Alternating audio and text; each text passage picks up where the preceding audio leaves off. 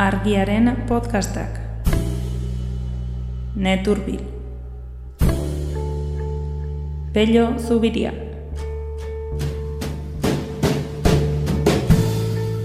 Hola, ironia pixkat eginez, ez Europararrak oso, oso azkarrak, ja? Eta gugin behar dugu, diseinatu gauzak. Eta orduan gure gaztei ere erakutsi behar dugu, gauzak diseinatzen, eta operazioak kojonanteak egiten, eta espekulatzen nola bait, baina produzitzea hori hori pobren kontua da, ze hoi txinuak egingo dute, txinuak nola, motzak dian, haie beti egingo dituzte gauza merkeak, eta horregatik guk ez gara sartuko.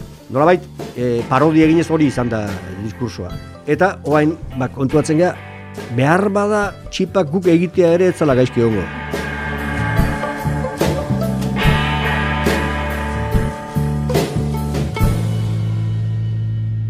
Hau papello, kaixo, Kaixo eneritz eta kaixo entzuleak. hori da. Kaixo eta ongi etorri argiaren podcast saiora, zer moduz, oporretatik indar berrituta edo? Bai, bakarrik, oain ja ez dakitela, ez da zei idatzi nuen ere, baina bueno, saiatuko gara gogoratzen. Bueno, bion artean saiatuko Bai. gara gogoratzen. Bai. E, bueno, nazioarteko edo gai nahiko orokor batekin zatoz oraingoan, ekonomia, geopolitika, klima aldaketa denak nahazten dituzu. Baina, bueno, azkenean e, funtsa autofabrikan edo no, automozioan gertatzen ari dena, edo hortik abiatu zara, gero ez da gehiago ari gara entzuten, e, fabrika asko isten ari direla, hemen inguruan gazteizko Mercedesek, Bai, bai. orain dela gutxi Bai. ateak itxi ditu, pieza faltagatik, Bai. esango genuke, Bai, bai, zer, bai. zer ari da gertatzen? Ba, bera, bueno, igual, sa- sarrera txiki bat egiteko, esango nizuke, e, e, hau idazten ari ginela, gertatu zen Suez e, kanalekoa. Eta, jo, ja hori izan zen, falta zen azkeneko e, kolpea. Aldortatik gai, gai hau aukeratu genuen, e, nolabait, mundu mailan globalizazioak, produzio kate global hori nola daukan antolatuta, erakusten dulako adibide txiki batek. Gero esaten nunik, joder, e, oain Suezko kanalarekin dana horrek hartuko du, eta gure artikulu hau geldituko da era bat e, desfasatua, baino ez, Suezekoa konpondu dute, e, oaindik ez dira, oaindik dira ondorioak ikusten, baino beste aipa, hemen aipatzen dugun gaiak segitzen du. Suezekoa esan nahi dut, ba, pentsa zer dan, e, ez dakiz zenbat mila kontainer daramatzan, e, edo ez dakiz zenbat ziento kontainer daramatzan, itxasontzi bat e, gelditzen da trabestuta, azteko hor barruan dagoen guztia, haren zai daude Europako eta Ameriketako portuetan. Hmm. Eta, ez dakit, ba, azpeitiko denda batean edo hernaniko fabrika batean. Baina gainera, beste berreun e, bapore gelditzen dira hor, beste hainbeste milaka kontainerrekin zintzilik. Esaten zu, nola da, nola da posible, e, bueno, ba, posible da, beti e, arau batek esaten omen duen bezala, kate bat eteten delako bere begi aulenetik. Hmm. Ez da kate guztia eteten kat, e, begi guztietan, kate maila guztietan, ez, begi batetik eteten da. Kasu hortan Suezekoa izan zen oso deigarria. Hmm. Suezekoa badirudi konpondu dela, baino hemen aipatzen dugun hau e, segitzen du bizirik. Arazoa. Eta zer da kate hori eteten duena, esan dugu pieza, pieza falta dela, ez? Autoak Bai. ekoizteko ezintasuna sortzen duena, ze, ze Bueno, hemen- pieza dira. Hemen, e, ba, ETB-en eta hemengo edabidetan, perrian eta bestean, eta irakurri ahal izan duzue, e, aurrena, aurreneko albistea izan zen, esango nuke, ez badut memoria gaizki, e, auto, autogintzari dagokionez, Iruñan, Volkswagenen e, problemak zeuzkatela osagai batzuekin, komponente batzuekin, elektronikoekin.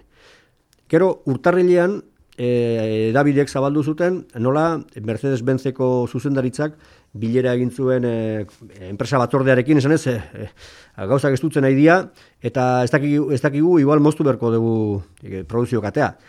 E, esaten duzu, bueno, e, olakotan gertatzen da zuzendaritzak ere e, amarruak egite dituztela, e, ez dakit, lanpostuak entzeko, edo, eta bar. Baina gero, justu, orain dela egun edo, ja zabaldu zuen, eta ETB ere zabaldu zuen, asteburu honetan Mercedesek etengo du bere produzio katea. Beraz, arazoa beretakoa zen. Hmm. Eta horren astu dira, e, koronavirusaren, eta koronavirusaren bada globalizazioaren kin oso oso lotuta dagoen gai bat, edo arazo bat, Hmm. eta produkzio, e, mundu mailako produkzio kate erraldoi horren e, kate, bat, kate begi ahul bat, dagona Taiwanen. Hmm. Tari gara, Taiwanen ekoizten dituzten, bueno, gehien bat Taiwanen Bai. ekoizten Bai. dituzten, e, erdieroale elektroniko Bai. hitza aipatzen duzu, Bai. ez? Izen Bai, tekniko bai, ez dela. hori da, semikonduktoreak, erdieroaleak. Hori da. Ez, ez, ez da erdierotuta daudenak, baina erdieramaleak edo erdieroaleak. Bai. Eta hontaz zer ulertzen ez dugun ontzat, e, Ba, ze, ze- zer dira hauek? Osa, niretzat ere bai, zate nik ere ez dut e, zer ulertzen hortaz, hau da, ez, nik badakit ikusitu dalako argian e, digitalizazioan daramagu mila batzion da laroite irutik, esango nuke, orduan ikusi ditut gure bazkide teknikoak e, txipak, orduko, orduko txip e, ferritazkoak e, kanbiatzen, orduan, bueno, pues hor daude elementu elektroniko batzuk, gero eta txikiagoak, gero eta funtzio gehiena, gehiago betetzen dituztenako, dituzte- dituztenak, e, eguneroko tasunean darabiltzagun tresna guztiek gero eta gehiago dar, barruan dara matzatenak. Ose, izan mugikor batek edo izan E, auto mugikor batek. batek e, omen dauzka, besta gita, amar, am, amalau. E, Eta auto batek ez eta au- auto batek nahi. egun da piko, segun zen, ze, claro, lehen autoak zeukan, e, zeuzkan gauza gehienak ziren mekanikoak. Gero joan ziren gauza elektronikoak gehitzen, eta orain pues, e, auto merkena erosten dezula ere. Ba, badauka katxarro bat, atzeko para txokean jarrita, detektatzen izuna, aber atze, atze, atzetik norbait dagon, aparkatzeakoan. Eta kristala galtzatzen dira modu batea, eta ordenadore zentrala dago, eta, bueno, hainbeste gauza, edo detektatzen du euria eta e, zeak, e, garbikari horiek hasten dira martxan. Bueno, hoiek denak, eta, eta zer esanik ez telebistan, eta telebistetan, eta, eta mil, mila, mila gauzetan, gure bizimoduan. E, zer gertatu da koronavirusarekin? Dirudienez. Ba, e, koronavirusarekin e, aktibitate jarduera ekonomikoan eurri handi batean eteten danean, sufritzen duten, etena sufritzen dutenetako batzuk, kotxeak dira, kotxegintza, autogintza. E, 2008an kotxea ondatu eta erostea tokatu zaionak, e, badaki, e, ze erekin arkitu zan adibidez lehen udaran. Eta zan, momentu batean, aiziala, hori konzesionarioak esan da, aiziala, zeuzkaten kotxeak saltzen. Baina gero, enkarguz aizian egiten. Ze, noski, e, e, salmenta eta mugimendu guztiak gelditu badi bada, e, oso, oza, e, margina zehatzakin funtzionatzen duen enpresak, eta egin dute dena. Estokik ez zuten. Hori da. Orduan, bueno, pues, e, zuk esaten diozu zure hornitzaileari tartean txipak egiten dizkizunari, eh? E, ez ekarri beste hiru hilabetean ezer eta lasai. Baina gua ez dago bietzai txupatzen, ez da egongo, ez? Ah, Beste norbaitentzat. Hoi da, eta orduan bitartean, aldi berean, badirudi asko haunditu dela, ordenagailuen, mugikorren, gehi traste elektronikoak daramaten osagai guztien, e, e, makina guztien salmenta. Horrela, e, iritsi da 2008ko udazkena, autogintza dirudienez, hasi da, enkarguak jasotzen, espero baino lehenago eta gehiago, edo espero bezala, baina hasi da eskatzen eta esaten diote hornitzaile handi hoiek, tartean taiwanekoek, baina ez bakarrik, ba, ba esaten diote e, ez daukatela. Hmm. Eta orduan, bueno, pues, horra hasten da pelikularen parte hori. Orduan ezin da autorik ekoitzi. Bueno, ba, kontu edo mantxoago behintzat. Da. Horan, hor egiten du krak berriz ere e, siste, sistema horrek. Hmm. Orduan, bueno, hor hasi dira aipatzen gauza batzuk, orain dela hiru urte esan ezin zirenak. Esate baterako, ba, a ber, e, txipen industria e, estrategikoa da. Eta horren esaten dizut, horregatik jarri dugu argazkian e, Joe Biden e, lehendakaria. Ez da, eskuetan daukala txip bat, esanez, guk atera dugu ja lege bat, baimendiko diguna eukitzea gure txip hornidura kontrolpean. Estrategikoa dalako guretzat. Osea, euren txipak ekoiztea Bai, bai, hori egongo da, lotuta, bai merkaturatzeko legeekin, bai esportatzeko legeekin, bai importatzeko legeekin, eta bada modu batera esateko, e, guk begiz jota dauzkagun hornitzaile estrategikoak, lehen petrolea zen bezala, ez ditugu pakean utziko, osea, guk ez dugu baimenduko iranek nahi duen egitea, zatek gu petrole, haren petrolari begira gaude, txipetan apli, aplikatu ez du arau berdina.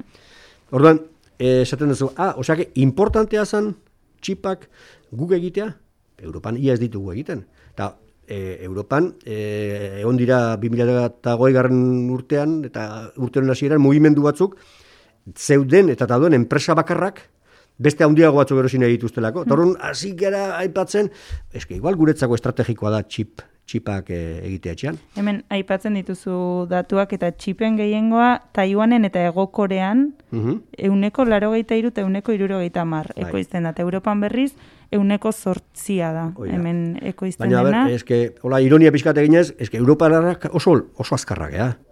E, Euskalduna zer esanik, ez? Ustez, nik, nik e, eben e, entzun, di, entzun ditut, ez? E, ora, diskurso batzuk, irratian eta bar, e, nolabait, negozioak nola egin behar diren gazte irakusten dieten jendearenak, ez? Orduan, gu oso, ba, eta orduan, gu oso azkarragea, eta gu behar dugu diseinetu gauzak.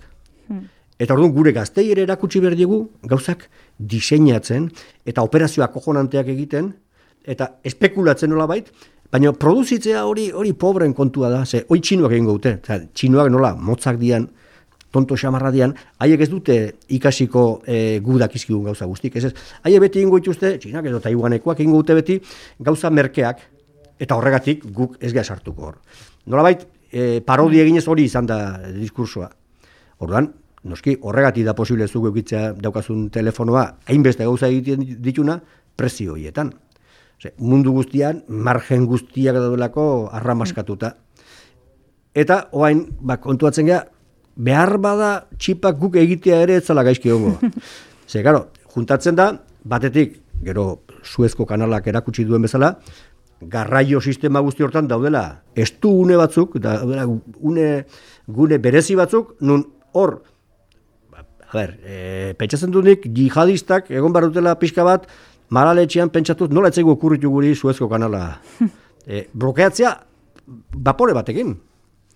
Kriston pelikula montatzeko partez. Pentsa, ze, munduko trafiko komertzialaren euneko amabi edo amabosta pasatzen da hortik. Orain konturatzen gara, osea, hor gertatu ezkoz problema bat, guk problema bat daukagu. Beraz, igual, bentsat, chip komponente eak eukitzea, edo batzuk etxean eukitzea litzak etxarra izango. Ah, baina hori, oain zein behar dugu, e, industria hori sortu. Hor, nik uste badagoela gure aldetik mareo bat, ze, hori ez da sortzen bi egunetan. Pentsa, e, nole biligaren maskarakin. Bai, bai, maskara bezen gauza... Ja, astu zaigu, eh, lezilua. Simple bat, bai. Osea, posible da, zuri esaten dizute, bi urte lehenago, edo urte bete, bile bete lehenago. Posible da, zure herrian, edo nere herrian, udalangileak edo voluntarioak ibili behar izatea basurako poltsekin batak egiten zaharretxeko langile eguki ditzaten e, nolabaiteko babesgarri batzuk. Bueno, hori, hori akutsi dugu koronavirusak, eta orain erakutsi dugu koronavirusak lotuta Taiwaneko lehortearekin erakutsi dugu beste parte hau. Hmm kate global hauek ez direla ematen duten bezain. Eta hor sartzen da Taiwaneko le, lehorte famoso hori. Hori galetu behar nizun, ez da bakarri koronavirusarena, ez, Taiwanen esan dugu ari direla txipak ekoizten e, gehiago mugikorrentzat, gailu elektronikoentzat eta ez automoziorako, baina bada beste faktore bat gertatu dena Taiwanen bizitzen ari den lehortea ere ari dela eragiten txipen industria honetan eta ezineko itzi horretan. Hoi da, ze, e, zure izaten dizute, e, Taiwanen lehorte badagolako hemen txipa garestia diela. Eta azten zea pixka pentsatzen jakurle bezala, bueno, izango da hau artikulu salgarri baten ideia bat. Ba, esaten da bezala, bai, ba, e, Kongo nari dira e, jendea maltratatzen gure telefono mugikorrak egiteko, e, koltana eta besteak egia dia. Baina, bueno, pues, badirudi folklore medioambientalaren partea diala, ez? Eta Taiwanekoan, esaten zu, bueno, ba, haidia hori esaten, baina ez ez da hori egia da. Eta eh, hor guk interneten jarri dugunean paperezko bertsioa, jarri ditugu loturak, ba, e, bat ere altermundialista usairik ez daukaten iturri batzuenak. Ba, da, dela Wall Street Journal edo, edo Bloomberg agentzia, eta New York Times, eta hoiek e, okupatu dira gai hortaz. Eta Ne bali mezu hitz egiten dugu zer hmm. dan eh, Taiwanen gertatzen Hori da, hori galdetu behar nizun, izugarrizko lehortea ari dira bizitzen e, tifoiak, lehen iristen ziren tifoiak, pentsatzen du klima aldaketaren Mhm. eraginez, ez direlako iristen, orduan ez dutelako lehen ark tifoiek ekartzen zieten ur kantitaterik. Hori da, e, ikusteko dago, pentsatzen dut, aber, klima aldaketaren e, eragina dan, osea, izan dizut, Bueno, aber, bai. hoi da, e, ikusteko dago, e, aber, hau betikotu egingo dan, tifoi falta hau, Hori da. edo dan orain gertatu dena, e, izan litzezkena salbu espena, baina e, adituak esaten dute, ez, ez, hau, ja, joera baten parte dela. Eta- beraka joango dela da. gainera. Orduan, guretzako tifoiak gauza terrible badia. Eta hemen e, aizete handi batekin, bas, bildurtzen gea. Baina han nunbait, aparte gauza terribleak, bas, nunbait da e, leku hortan, hau da, tropiko, edo leku subtropikal hortan, e, justu hor, da, e, uarte horrek, euria hartzeko daukan aukera nagusietako bat. Kurioso, ez? Hori da. Tifoi hitza aipatutakoan katastrofe, edo, bueno, Ja, ja, holako ja. eh, burura etortzen zaiguna hemen behintzat mendebaletik, eta justu kontrakoa Pues han, tifoien han urtean bat beharraz. baino gehiago pasatzen zian, ba, eman dezagun diela, ekaitz tropikal handiak. Hmm. Eta eta urten ez da, bueno, iaz, etzan bakar bat ere pasatu, eta horren aurrekaririk eh, ez daukate. Orduan, e, noski, uarte batek eh, bere e, ur hornidurare mugatua dauka, eta hor daramate, ja, denbora bat, e, borrokan alde batetik, basaritarrak ere behar dutelako e, beren hornidura, eta hor aipatzen da datoren bat, guain dela hile bete eta erdiko datu hasian, eta ja ordurako e, nekazaritzaren euneko amabostak edo, irrigazioa ja moztuta zeukan. De, eh, e, ja moztuta, moztutzat. Besteak restrikzioa, dio, ja moztu moztuak euneko amabosta edola. Eta, eta gero, dago, e, jendearen e, zera, e, hirien ur beharra, Bai, E, eta gero dago e, gauza bat, ba, beti ez, e, aipatzen duguna, edo askotan aipatu izan duguna, guk ez dakigu e, gauza merke akojonante bakoitzaren atzean ze, zer da on. Orduan, elektrifikazio guztia ona da, automatizazio guztia ona da, ja baino, zeatik, pues, honek elektrizitate gutxiago edo energia gutxiago gastatzen du, ala baino. Hau da, auto elektriko batek gutxiago gastatzen du, edo kuri kutsadura gutxi, gutxiago eragiten digu gasolinazkoak baino. Guri. Baino gazten zea begiratzen zirkuit, zirkuito guztia, eta esaten zu, ah, baino zenbat ur gastatzen da, adibidez, e, txipak egiteko. Orduan, hor, agertzen dira dato batzuk, Bai. Eh, eta, eta da, nolabait, txipak, eh, eh, komponente elektroniko horiek daude egina, eh, olatak deitzen dian, eh, erdera esatu dute, obleas, oblea dira txokolate tableta bezala. Hmm. Pues, eh, ba, olata izeneko, eh, ze bat, ez, opilantzeko batzuetan. Eta horiek egiten dira, eh, izaten da, ez, oso material merke batekin, silizioarekin, e, itxasoko ondarra nahi baduzu, silizioarekin, baina hori egin behar da, geruzatan eta modu oso oso oso, oso garbi batean, beraz, ur oso oso oso, oso garbi batekin pulituz. Eta hori, e, ultra findutako edo ultra, ur, ur ultra puru hori, eh, e, e, egiteko, ba, adibidez, mila litro egiteko ur ultra puru hortatik behar dira, ja, azteko mila eta bosteun litro ur, normal. Osea, urak iturriko ur. garbi- garbitu edo, bai, bueno, ur tratatu bat, purifikatu. Eta, eta olata bat, oita, oita ma boste, oit, zentimetroko olata bat egiteko, eta hortik aterako gira, X mikrochip, Hmm. pues behar dira, mila eta piko litro ur.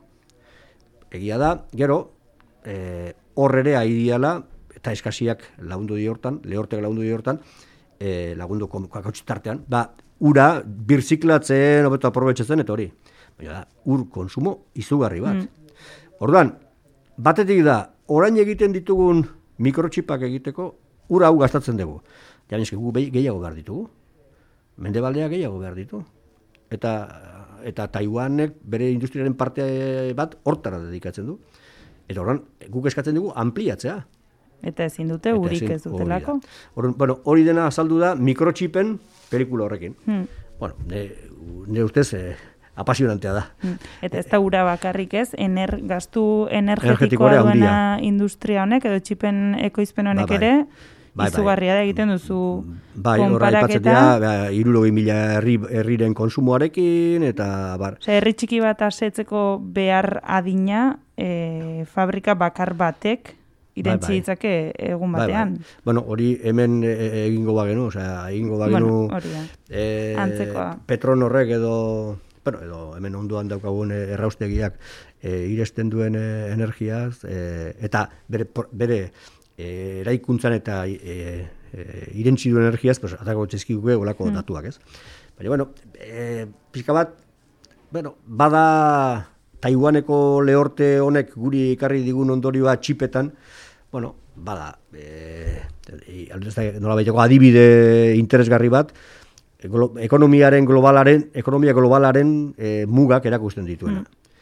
Orduan, e, hori adibidez gauz horiek gazteek e, aztertu beharko lituzkete. Mm. Zuek, batez ere zatik, zuek ari zarete e, soportatzen edo iresten, ba, hemengo hezkuntza sistema guztian e, saltzen dan eredu sozioekonomikoa.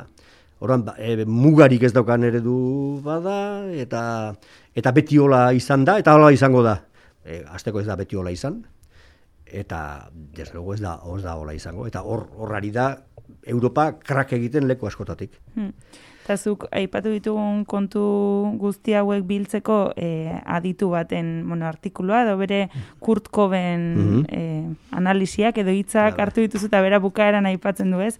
Piskat Taiwanen eta hitz egiten ari garen mm guzti hau dela, e, arrisku edo faktore askoren nahasketa e, arriskutsu bat ez, izan esan dugu klima aldaketa, ekonomia, globalizazioa, geopolitikako interesak ez, dena nahazten da, eta tazkenean ba, urle horte batetik edo koronavirusak edo nola, nola eragin dezaken alako katastrofe bat ba, denontzat. Baina, azken beste modu batera nahi bale mauzu begiratu, bada, nola bait, eh, low cost sistema edo e, kompainia espainiar famatu batek egiten duen eslogan nazkagarri batena, ez? Jo no soy tonto. Hmm. Orduan, jo no soy tonto, zatik ni beti naiz kapaz aurkitzeko presiorik onena eta gehien komenitza ditana. Eta, claro, presio hortan azten dituzu beste guztiak.